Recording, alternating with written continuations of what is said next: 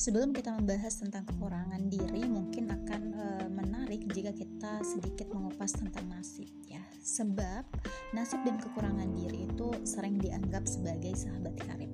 Mungkin banyak di antara kita yang tidak jarang mengatakan bahwa sesuatu yang buruk dalam hidup itu disebut sebagai nasib. Lalu bijakkah kita jika segala sesuatu yang buruk terjadi kepada kita lantas dengan mudah kita menyebutnya dengan sudahlah memang sudah nasib. Menurut Komarudin Hidayat, dalam bukunya yang berjudul Psikologi Kebahagiaan, nasib setiap orang itu ternyata tidak selalu merupakan garis takdir yang sudah tidak bisa diubah. Namun segala kenyataan yang terjadi di dalam hidup kita bisa juga merupakan akibat atau hasil dari apa yang telah kita perbuat. Semakin positif, pikiran dan perbuatan kita, maka kian positif pula nasib hidup kita. Begitu pula sebaliknya, semakin negatif dan hitam warna perbuatan dan pikiran kita, maka semakin berantakan pula nasib yang akan kita alami. Jadi, jika ada sesuatu yang buruk terjadi dalam hidup kita, maka kita tidak bisa menyalahkan takdir secara sepihak. Idealnya kita harus bertanya pada diri sendiri, kira-kira apa yang telah membuat kita dan masalahnya terasa semakin berat dan menjemukan. Sebab besar kemungkinan apa yang kita hadapi saat ini merupakan buah dari apa yang telah kita lakukan di masa lalu. Di sisi lain, apabila kita menghadapi kenyataan yang pahit setelah kita berjuang untuk berpikir dan berbuat sebaik dan sepositif mungkin, itulah yang dinamakan dengan Seringkali kita memang harus melalui ketetapan dari sang pemilik cerita kehidupan yang terkadang tidak bisa masuk di akal. Kok bisa? Saya sudah berjuang sebaik-baiknya, hasilnya tetaplah kalah dengan mereka yang mungkin ikhtiar dan doanya biasa-biasa saja. Fase-fase semacam ini yang sering membuat banyak orang menjadi cepat putus asa menanam bibit dengki dan benci, kemudian enggan untuk berusaha lebih baik lagi.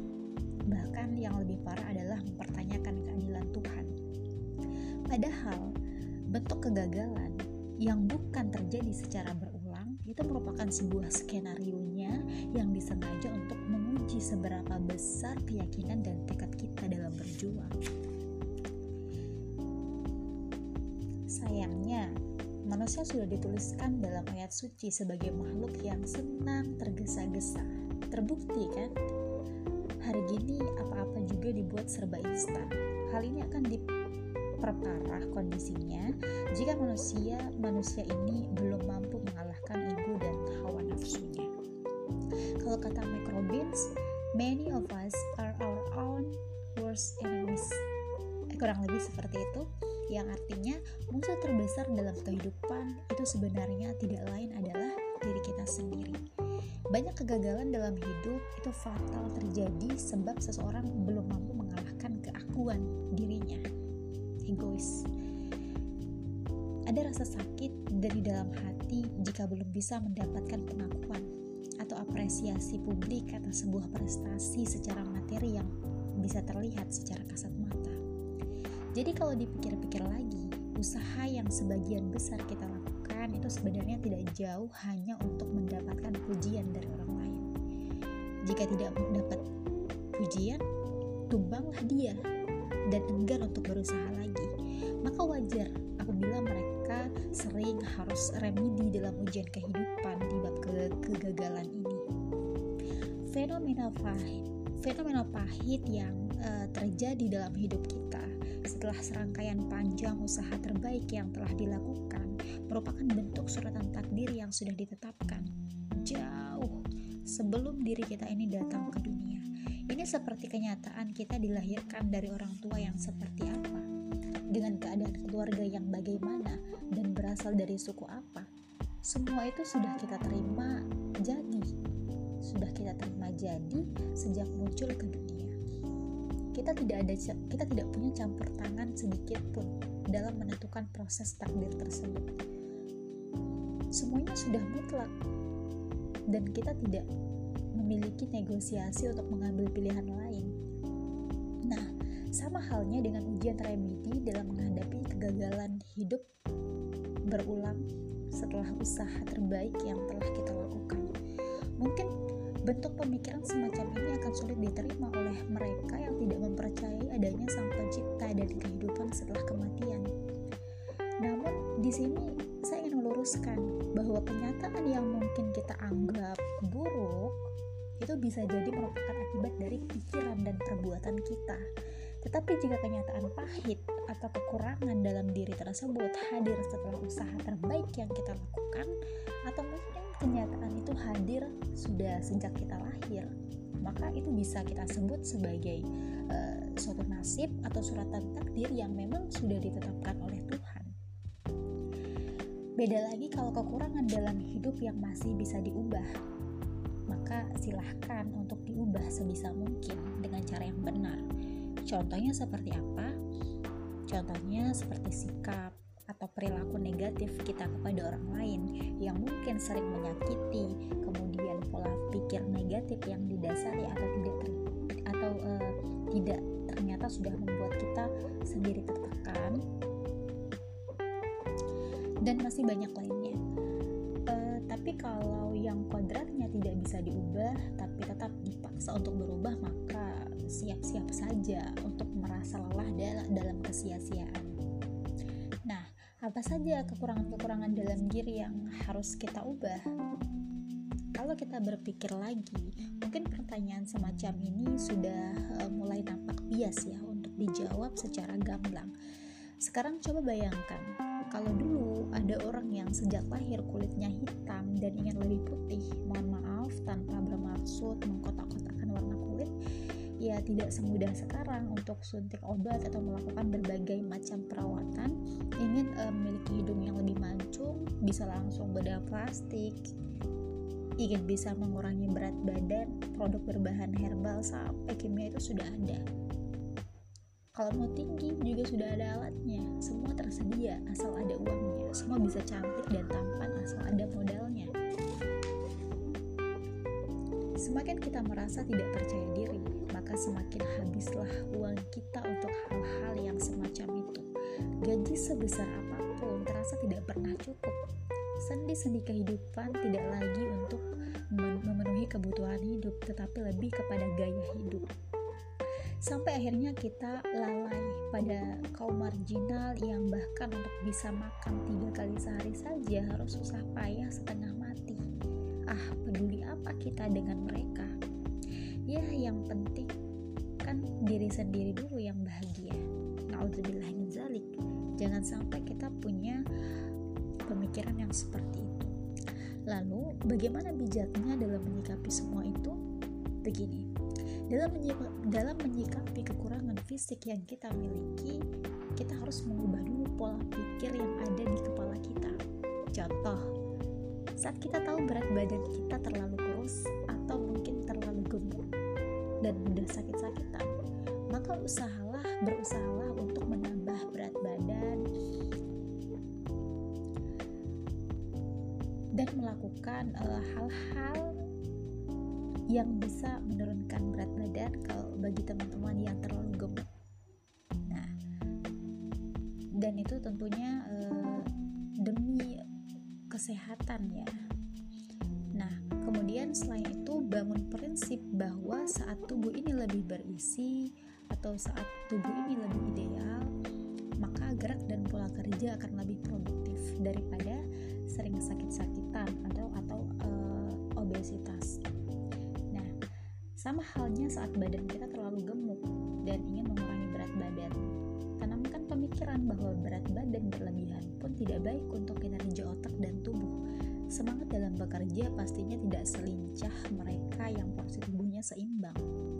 Nah, dengan menanamkan pola pikir yang positif sebagai langkah awal, maka proses ikhtiar yang dilakukan pun tidak akan menjadi terdorong ambisi semu yang melelahkan dan tanpa tujuan. Maksud tanpa tujuannya bagaimana? Begini, kalau kita memang berprofesi sebagai public figure, yang harus selalu berpenampilan menarik dan fit on camera, maka silahkan saja kalian melakukan diet dan latihan khusus demi tampil terbaik di depan layar kaca. Itu sebagai bentuk profesionalitas dan totalitas dalam bekerja. Silahkan, itu tidak dilarang, justru malah sangat dianjurkan.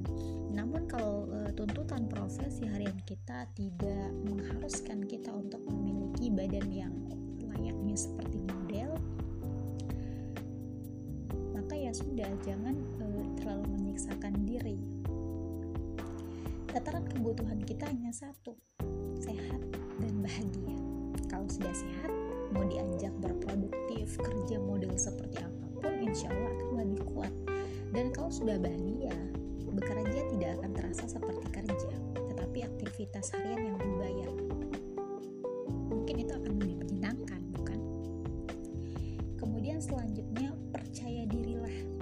Setiap lekuk dari tubuh kita adalah ciptaan yang maha sempurna. Sudah pasti itu yang terbaik. Jangan khawatir kalau kita tidak akan laku, kalau kita tidak secantik atau setampan artis di televisi. Sebab tidak semua selera manusia itu sama. Lagi pula, saat kita bisa menerima kodrat pemberian Tuhan, maka sama halnya kita mencem mencemooh pada apa yang sudah diberikan olehnya. Ada pepatah yang mengatakan bahwa jika kita menghina suatu karya seni atau sastra, maka sama saja kita menghina si pembuat karya. Nah, saat kita menghina manusia, maka sama halnya juga kita menghina penciptanya. Itu tadi baru berupa kekurangan yang sifatnya kekurangan fisik.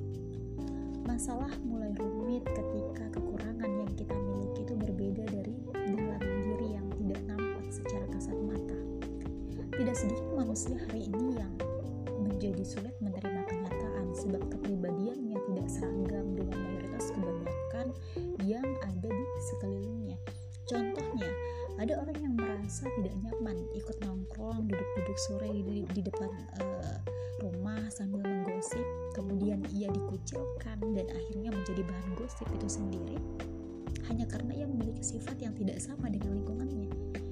harus menjadi minoritas yang dikucilkan bahkan tidak jarang orang-orang memilih berbeda dan mengambil jalan sunyi ini justru menjadi public enemy Padahal yang dilakukannya mungkin sebenarnya tidak salah atau malah jauh lebih baik dari kebanyakan yang lainnya. Ini menarik untuk dibahas sebab kasus semacam ini sering menjadi problema yang dilematis bagi sebagian orang. Tidak sedikit dari mereka yang akhirnya berusaha untuk berpura-pura nyaman dengan sesekali ikut menurunkan egonya dengan bergabung bersama mereka. Ini dianggapnya sebagai bentuk adaptasi agar tetap menjaga keharmonisan hidup antar sesama di lingkungan sekitar. Sebab menyakitkan jika kita terlalu berpegang teguh pada prinsip yang kurang luas untuk bernegosiasi dengan lingkungan sekitar. Namun menjadi tantangan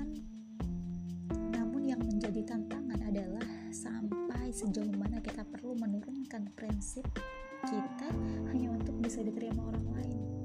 Seberapa besarkah peran penerimaan orang lain dalam hidup kita? Di situlah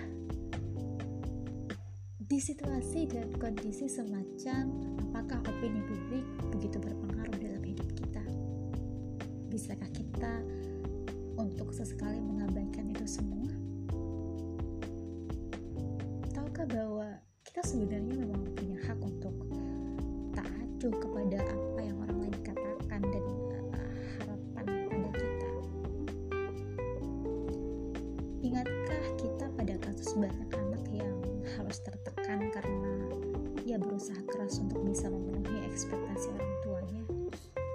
Mereka yang mungkin sebenarnya memiliki potensi di dunia seni harus pupus dan mengubur dalam-dalam kekuatannya hanya karena orang tuanya menginginkannya menjadi seorang perwira. Padahal itu sama sekali bukan dia. Walaupun pada akhirnya ia tetap menjalankannya dengan tersiap-siap.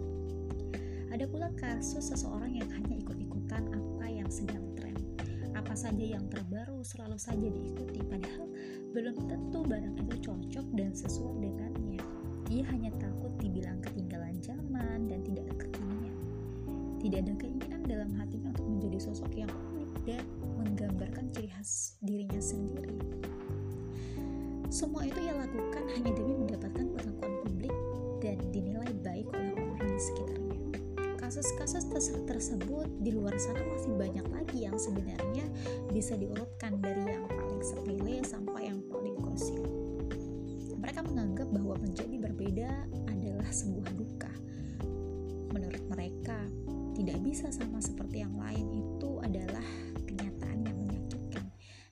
sebisa mungkin mereka akan berupaya keras agar bisa mendapatkan kepercayaan orang lain dengan cara menuruti apa yang mereka harapkan. Akhirnya inilah yang dikhawatirkan oleh Mike Robbins bahwasanya eh, nilai otentik dari diri kita menjadi pudar itu karena terlalu mendengarkan apa yang orang lain katakan. Padahal jauh dalam diri kita hati kita selalu membisikkan apa yang sebenarnya lebih baik untuk kita. Hati tidak pernah berdusta dalam menuntun kita untuk menjadi diri kita yang sebenarnya, bukan menjadi kita yang sesuai dengan harapan orang lain. Sayangnya, tidak semua orang bersedia mendengarkan bisikan-bisikan itu. Apabila setiap dari diri kita tidak enggan untuk menelisik jauh dan mencari jati diri kita yang sebenarnya, tidak sulit jika kita ingin berdamai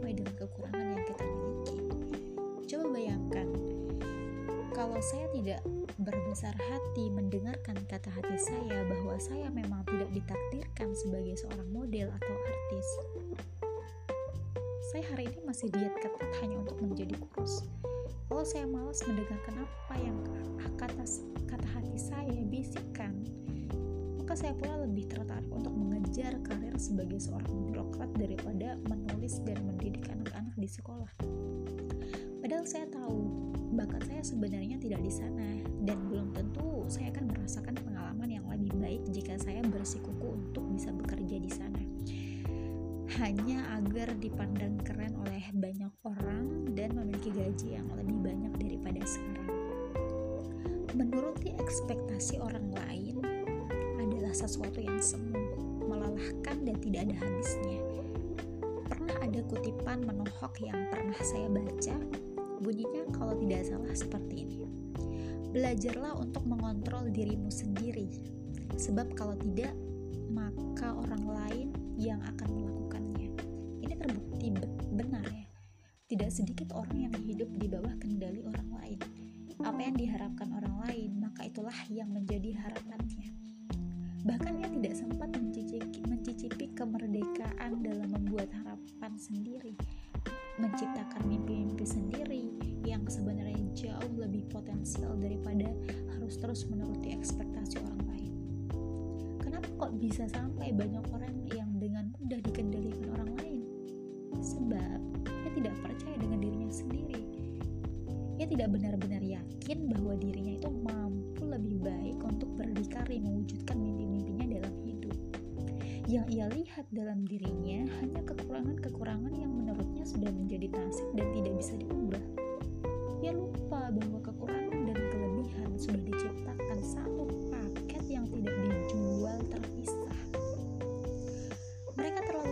pada apa yang tidak mereka miliki dan lalai pada anugerah besar yang sebenarnya masih bisa mereka gali. Padahal apa enaknya meratapi kekurangan yang memang sudah suratan takdir. Bukankah lebih baik kita memperbaiki takdir-takdir lain yang sekiranya masih membutuhkan campur tangan kita untuk mengubahnya? Kalau kata sastrawan Haruki Murakami, sakit itu pasti, tapi menderita itu pilihan. Jadi, semua itu kembali ke cara kita memandang kenyataan. Hidup ini memang berat, namun ingin dibawa enjoy atau drama semua itu keputusannya ada di tangan kita. Semua itu diawali karena mereka enggan untuk berdamai dengan kekurangan dirinya sendiri. Sampai akhirnya ada orang lain yang datang dan berpura-pura ingin mendamaikan hatinya dengan cara selanjutnya sudah bisa kita bayangkan akan seperti apa dan bagaimana jalan ceritanya. thank you